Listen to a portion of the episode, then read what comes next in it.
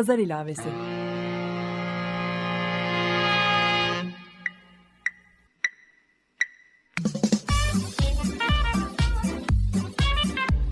...1936'dan günümüze 80 yıllık bir zaman tüneli. Hazırlayan ve sunan Didem Özbek.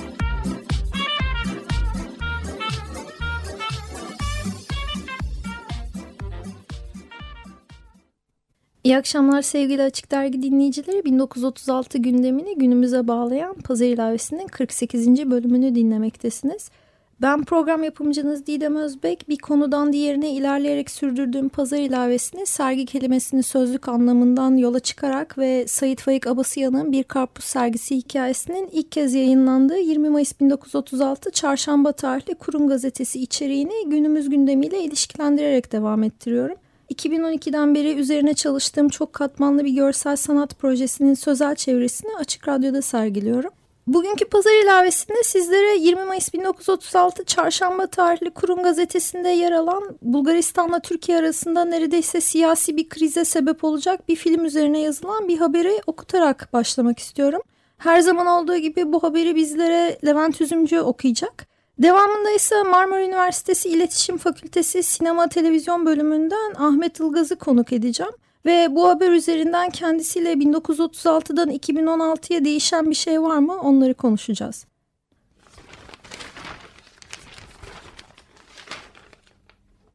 Kurun İstanbul Çarşamba 20 Mayıs 1936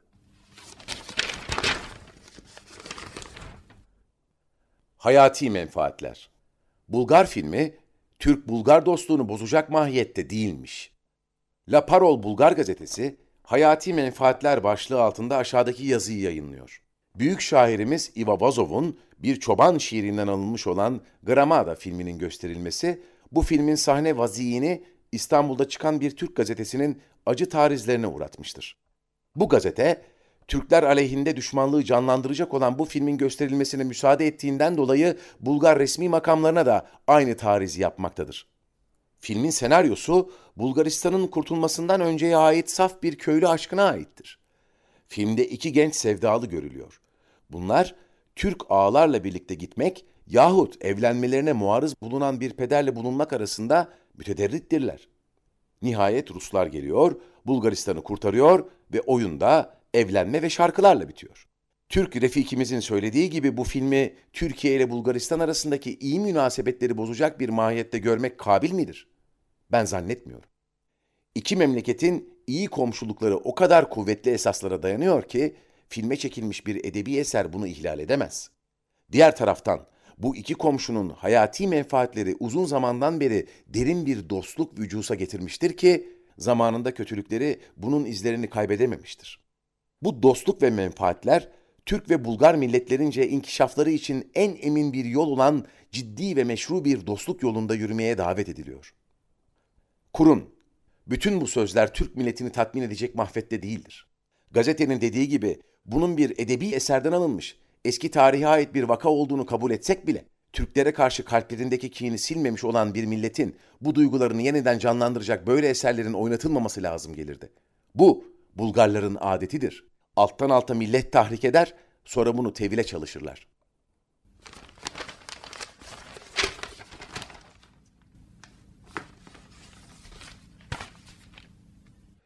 Sevgili Ahmet Ilgaz, Pazar İlavesi'ne hoş geldin. Hoş bulduk. Biraz önce Levent Üzümcü'nün sesinden 20 Mayıs 1936 tarihli Kurum Gazetesi'nde yayınlanmış bir sinema haberini dinledik. 1936'dan günümüze Kurum Gazetesi'nde beni en çok etkileyen haberlerden biri de buydu açıkçası. Hani Bulgaristan üzerinden Kurun yazarlarının gösterdiği tepki bana hiç de yabancı gelmedi. Sen ne düşünüyorsun bu konuda? Evet daha önce de Midnight Express filminde olsun diğer filmlerde olsun Türklerle ilgili ya da Türkiye ile ilgili olumsuz gelişmelerde oldukça büyük bir tepki veriyoruz yani medyada da toplumsal olarak da. Bu pek fazla bir şeyin değişmediğini ya da yavaş yavaş değiştiğini anımsattı bana. Bu hafta film ekimi başlıyor. Bu haberi ele almak istiyordum. Onunla birlikte geçen hafta bir haber vardı gazetede. İşte War Dogs isminde Vurguncular isimli bir Amerikan filmi gene Önce ondaki bir kare gazetelere haber oldu. İşte Türkiye Cumhuriyeti'nin üst düzey yetkililerinin bu filmin bir parçasında fotoğrafının yer aldığı. Ondan bir hafta sonra da filmin vizyona girmeden kaldırıldığı söylendi. Uluslararası ilişkiler adına birçok film hala Türkiye'de infial yaratabiliyor diye düşünüyorum. Basının burada sence etkisine medyanın?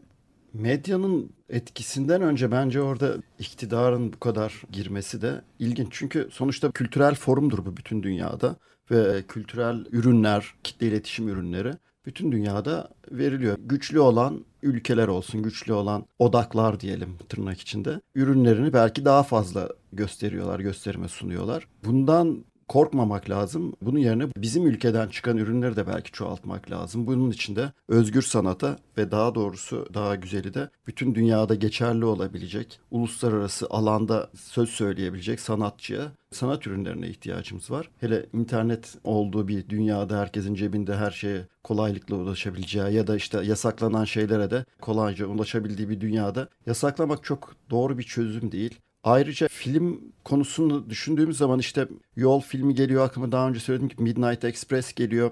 Böyle şeyler oluyor, olur. Bazen haklıdırlar, bazen haksızdırlar bence temsiliyet açısından. Mesela Midnight Express'in temsiliyetinde de Türklerin temsiliyeti açısından çok problemli noktalar vardır. Ve bunları da esasında Amerikan gazetelerinde de işte New York Times olsun, Village Voice dergisinde olsun 78 yılındaki yapılmış film eleştirilmiştir eleştirmenler tarafından. Yani bir taraftan da hep bizim söylediğimiz Türkiye Türk'ten başka dostu yoktur gibi bir söyleminde doğru olmadığını görüyoruz burada. Esasında filmin doğasına baktığımız zaman, film derken senaryonun diyelim doğasına baktığımız zaman bir karşıtlık yaratmak ve genellikle de iyi kötü karşıtlığı yaratmak mecburiyetinde oluyor çoğu ticari sinema. Tamam sanat sineması var ama işte 3000-5000 kişi seyrediyor. Ticari sinema yapıyorsanız bir iyi insan, eskiden hep iyi adamdı şimdi kadınlar da yavaş yavaş kahraman pozisyonuna geçmeye başladılar. Bir de kötü insan ya da kötü grup olması gerekiyor. Bundan dolayı bazen de filmin senaryo doğası gereği yani ticari formül doğası gereği gereğinden fazla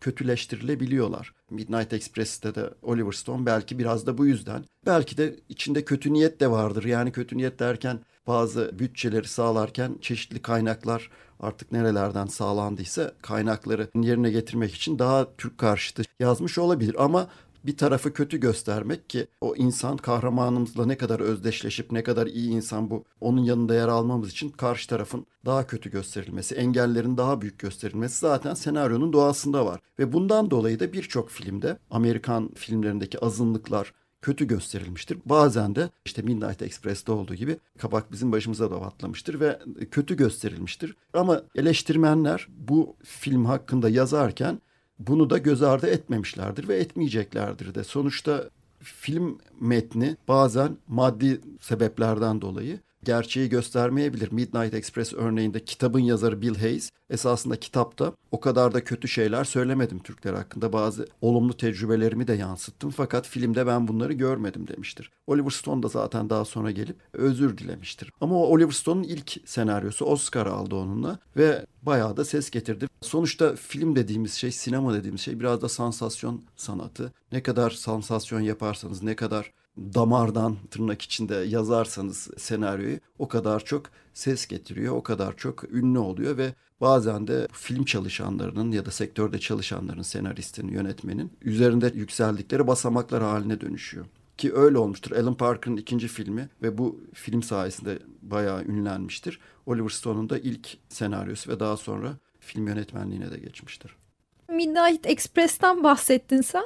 Düşününce bugün Midnight Express nedir? İşte önce sanırım Nişantaşı'nda şimdi de Bebek'te çok pahalı markalar satan bir mağaza. Tabu olarak yıllarca Türkiye'de yasaklanmış bir filmin ya da bizi kötü gösteriyor diye algılanan bir filmin bugün çok pahalı markaları satan bir mağazaya dönüşmüş olması da benim çok ilgimi çekiyor kötüler hep seviliyor diyebilir miyiz yani? Kötü karakterler ilgi çekiyor diye düşünüyorum. Evet ilgi çekiyor bir çatışma yaratıyor. Sevilmektense çatışma yaratıyor desek daha güzel olur. Biraz da ben toplumsal olarak çok hamaset içinde yetiştirildiğimizi, hamasetin pompalandığını topluma ve bu yüzden devamlı ben öteki kavramları üzerinde devam bir yandaş olma ihtiyacı hissettiğimizi görüyorum. Bunu başka alanlarda da görebiliriz. Futbolda özellikle devam bir hakemden milli maçlarda şikayet etme var. içeriye baktığımızda lig maçlarında da hep karşı tarafı tuttuğun gibi bir komplo teorisi içine de kolaylıkla girebiliyorlar. Hatta milli maç anlatımlarındaki sunuculardan da incelersek BBC sunucusu biraz daha böyle objektif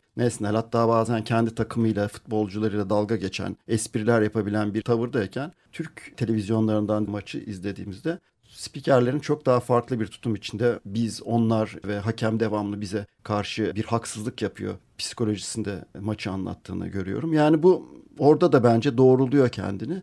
Bu kadar çok kısıtlayıcı olmak zaten sanat içinde, sanatçı içinde ve bu ürünleri geliştirecek olan, üretecek olan insanlar içinde çok güzel bir ortam yaratıyor olmasa gerek. Bahsettiğin hamaset aslında özgüvene de vurgu yapıyor öyle değil mi? Hani kendine güvenen bir toplum olsak bu tip konularda bu kadar savunmaya geçmeyeceğiz ya da karşı tarafı sürekli suçlamayacağız, gerekçelendirmeyeceğiz öyle değil mi? Evet yani özgüven eksikliği olduğunu düşünüyorum ben. Zaten şimdi çok fazla toplumsal, tarihsel çözümlemelere de girmek istemiyorum burada. Çünkü alanımın dışına çıkmaya başlıyorum. Fakat başka alanlarda mürekkep yalamış biri olarak bunu görüyorum. Çünkü bir dış dünya dediğimiz uluslararası bir arena artık çok daha fazla alışveriş yapılan kültürel olarak finansal ya da işte ürün alışverişi de olduğu bir ortam sonuçta. Ve buna entegre olma konusunda biraz zayıf kaldığımızı düşünüyorum. Belki de yasaklamaların buna sebep olduğunu da düşünüyorum. Biraz daha açık olan bir ülke olsak bu özgüveni de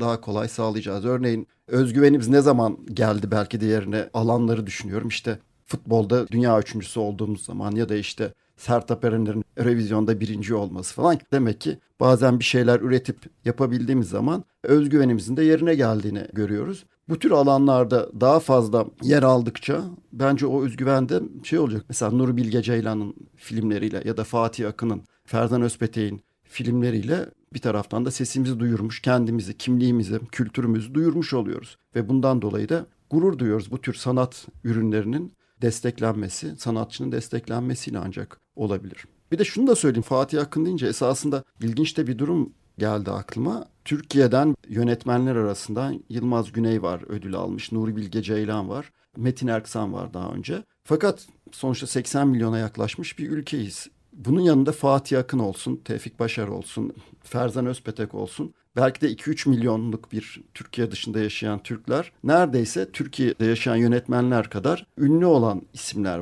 Demek ki biraz daha özgür ortam bulduğu zaman insanlar kökeni ne olursa olsun daha fazla üretken olabiliyorları sanki görmüş gibi oluyoruz. Bu Türkiye dışında yaşayan Türklerin bu alandaki başarılarını gördükten sonra.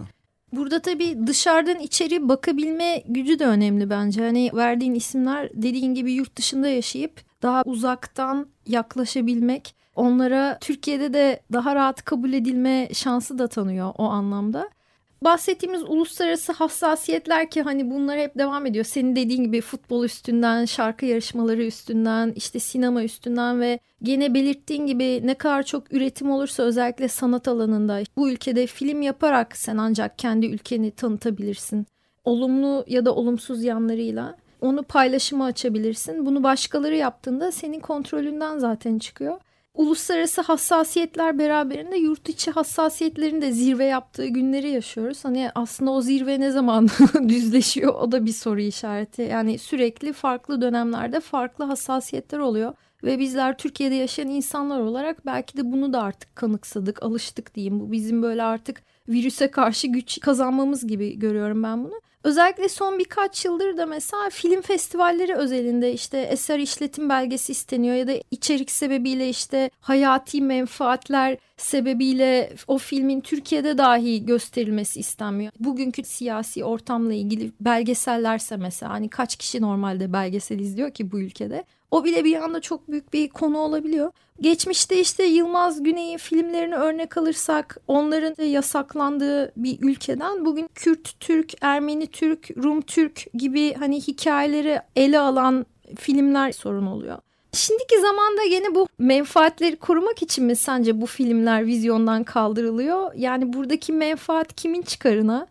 Türkiye'de azınlıklar var ve azınlıklarla ilgili biraz sesi yüksek çıkan bir film olursa üzerine sert gidiliyor. Resmi ideolojinin hoşuna giden bir film çekmek daha rahat oluyor. O duyguyla değerlendirdiğimiz zaman yanlışlar da yapma imkanımız çok oluyor. Yani daha açık bir şekilde herkes ne diyor ve ona karşı biz de eleştirimizi getirirsek, hoşlanmadığımız durumlarda eleştirmenler var, yazarlar var. Yani kötü derecede bir sanat ürünü çıktığı zaman, içinde bir ırkçılık ya da yanlışları söyleyen bir sanat ürünü çıktığı zaman bunu eleştirebilecek yazarlar da vardır. Tarihçiler vardır ya da işte konu neyse onunla ilgili olacak. Okumuş insanlar vardır. Fakat okumuş insanları da bazen yıldırarak işte bazen işten atarak olur, iş vermeyerek olabilir. Bazen ileri boyutlarda hapse atarak olabilir. Bu şekilde engellenirse hiçbir zaman bizi koruyacak insanlar da bulamayız icabında. Çünkü onlar sesini de duyurabilecek insanlar oluyor. Bir de onların da sesini dinlememiz lazım. Yol gösterici olarak da onları bahsettiğim kültürel forumda karanlıkta el yordamıyla bulmaktansa birkaç ışık el feneri yardımıyla yolumuzu bulmak daha iyi olacaktır.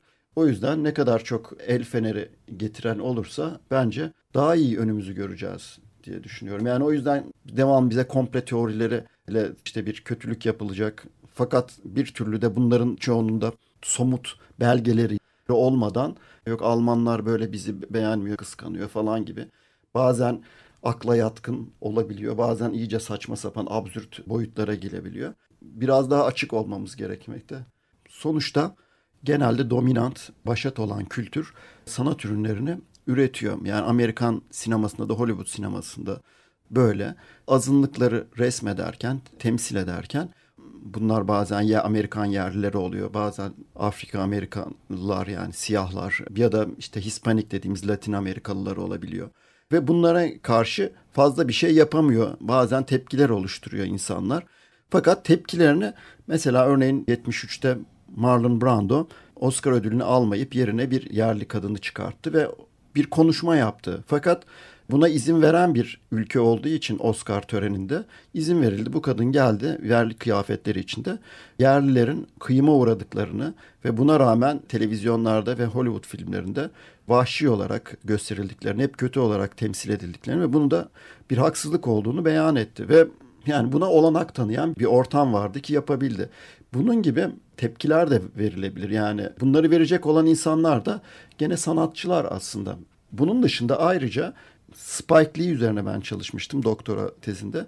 Siyahların kötü temsil edilmesini ancak siyahlar gene engel olabilir. Ve Spike Lee çıkarak işte özellikle siyah çalışanlarını sendikalaştırarak bu şekilde siyah yıldızlar ortaya çıkararak ki bir sürü siyah yıldız işte Halle Berry, Denzel Washington da filmlerinde bayağı oynamıştır.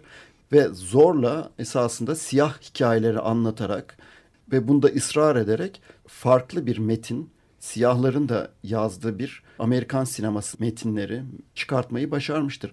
Ve bu yüzden biz de kendi söylemek istediğimiz bir şey varsa beğenmediğimiz şeyleri engellemek yerine farklı kültürlerin, azınlıkların sinemasına, seslerine kulak vermek gerektiğini, onların biraz daha açık bir şekilde kendi ifade etmelerini sağlamak bence daha iyi olacaktır. Burada beğenilmeyen şeyler varsa zaten kültürel forumda eleştirmenler tarafından, yazarlar tarafından, düşünürler tarafından burada beğenmedikleri konuşulacaktır, tartışılacaktır ve bu şekilde bir sonuca varılacaktır diyeyim. Sonuçtan kastım tabii yani kültürel bir tavır, anlayış demek istiyorum. Bu aslında ilk baştan beri konuştuğumuz işte Fatih Akın ya da Ferzan Özpetek sinemasının yurt dışından yurt içine hitap etmesi ya da yurt dışındaki bakışla yurt içine anlatabilmesi diyelim.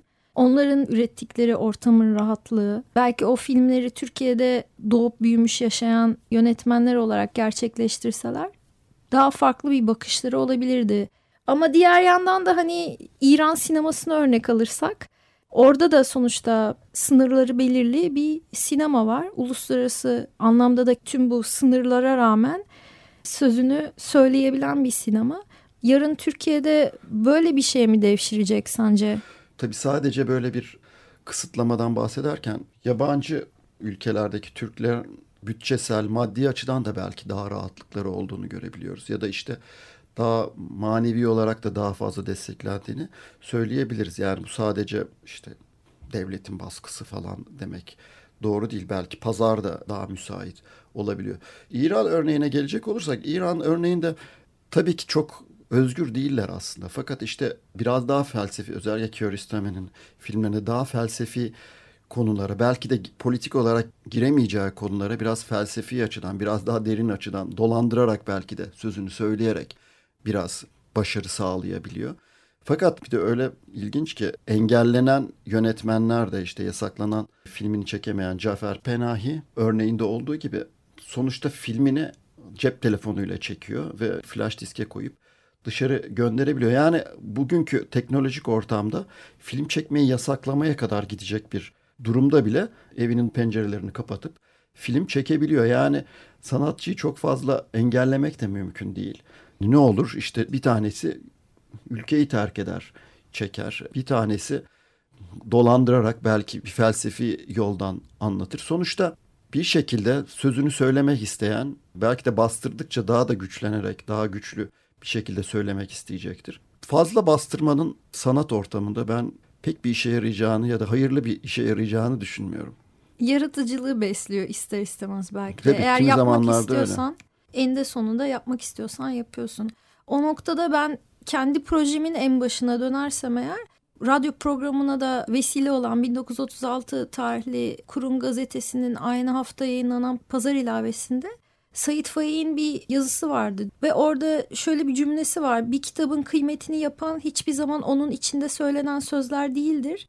Bunların ehemmiyeti hiç yoktur fakat söylenmek isteyip de söylenmemiş şeyler işte bunlar o kitabın kıymetini yaparlar ve o nevi kitapları sessiz sedasız beslerler diyor. Ve ben de aslında bu tarz bir yaklaşımın hani 1936'da olduğu gibi bugün de Türkiye'de yaratan, üreten insanların bazı zamanlar dikkate alması gereken bir çözüm olduğunu düşünüyorum. Son olarak şunu sormak istiyorum. Mesela hep bir Atatürk filmi yapılmak istenirdi ya hep Hollywood'la bağlantılı. Türkiye'yi aslında yurt dışına iyi, olumlu anlatmak adına. Şu an çekileceği konuşulan Uyanış isimli çok yakın tarihimiz işte bu 15 Temmuz ve öncesi Turgut Özal vesaireyi dikkate alan bir filmin çok büyük bir prodüksiyonla gerçekleştiğini duyuyoruz. Böyle bir çalışmanın uluslararası boyutta ses getirebilmesi için senin bahsettiğin gibi bütçe mi gerekiyor, senaryo mu gerekiyor, uluslararası bağlantılar mı gerekiyor? Ondan bahsedebilir misin? Hangi filmin başarılı olacağını ya da ne kadar etkili olacağını görebilmek öyle kolay bir şey değil. Kevin Costner'ın öyle başarısızlıkları vardır. Waterworld falan gibi çok büyük bütçelerle. O yüzden böyle bütçeyi akıtsanız da bazen başarılı olmayabilir. Kaldı ki Türkiye'nin böyle çok blockbuster tarzı uluslararası arenada gösterebileceği belki de bir potansiyeli var mı diye düşünmek lazım ki pek olduğunu düşünmüyorum ben. Yani o şekilde filmler yaparak gündeme gelmiş bir Türk sinemasından bahsedemeyiz. O yüzden propaganda filmi olarak düşünülüyor ve bunu kör gözün parmağına propaganda filmi gibi çekilirse eğer fazla da bir değeri olmaz. Çünkü çok artık eski propaganda filmlerinin etkisinin olduğu işte gerek Nazi Almanya'sında gerek Sovyetler Birliği'ndeki o propaganda filmlerinin bir şeyi kalmadı artık o tarz filmlerle bir şey yapmak daha zor. En azından Batı gibi daha bu konuda çok ürün tüketmiş izleyicisi olan bir kitleye. Yani eğer bu film 15 Temmuz'daki darbe girişimini Avrupalılara daha iyi tanıtmak amacıyla yapılıyorsa ne kadar başarılı olacağını görerek, izleyerek şey yapmak lazım ama dediğim gibi bazen iyi yönetmen, iyi hikaye falan bile olsa başka unsurlardan dolayı başarılı olamayabiliyor. Bir de cidden samimi olmak zorunda yapılan film ve sanat ürününe saygısını ne gerekiyorsa işte senaryodaki o formülleri bazen doğru uygulamak gerekiyor. Bunlara riayet edilirse ancak bir film iyi olabiliyor ve bunun içinde oldukça iyi bir ekip çalışması ve böyle büyük filmleri yapabilecek ekiplere ihtiyacımız olması gerekiyor. Samimi olmazsa eğer pek başarılı olacağını düşünmüyorum. Samimiyeti ve inandırıcılık kısmının seviyesinin çok iyi olması lazım. Evet sevgili Ahmet Ilgaz pazar ilavesine katıldığın için ve fikirlerini paylaştığın için çok teşekkür ediyorum. Umarım hepimizin ifade özgürlüğüne daha rahat sahip olabildiği ve üretkenliğimizi besleyecek bir ortamda çalışmaya devam edebiliriz bizler de. Ben de öyle umuyorum ve çok teşekkür ediyorum. Evet sevgili dinleyiciler birçok radyo ve televizyon kanalının kapatıldığı üzücü günler yaşıyoruz. Hayati menfaatler adına herkesin ifade özgürlüğüne sahip ve iletişim haklarını koruduğu bir ülkede yaşayabilmek dileğiyle Pazar ilavesinin içeriğiyle ilgili bilgileri Pazar ilavesi Twitter, geçmiş bölümlerin podcastini açıkradyo.com.tr ve Pazar ilavesi blogspot.com adreslerinden dinleyebilirsiniz. geri sayıma devam ediyorum. Son iki bölüme hazırlanırken ben Didem Özbek haftaya yeni bir pazar ilavesinde görüşmek üzere diyorum.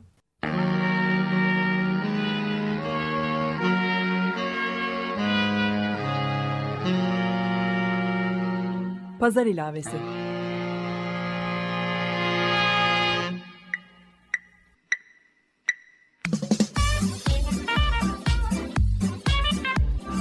...1936'dan günümüze 80 yıllık bir zaman tüneli. Hazırlayan ve sunan Didem Özbek.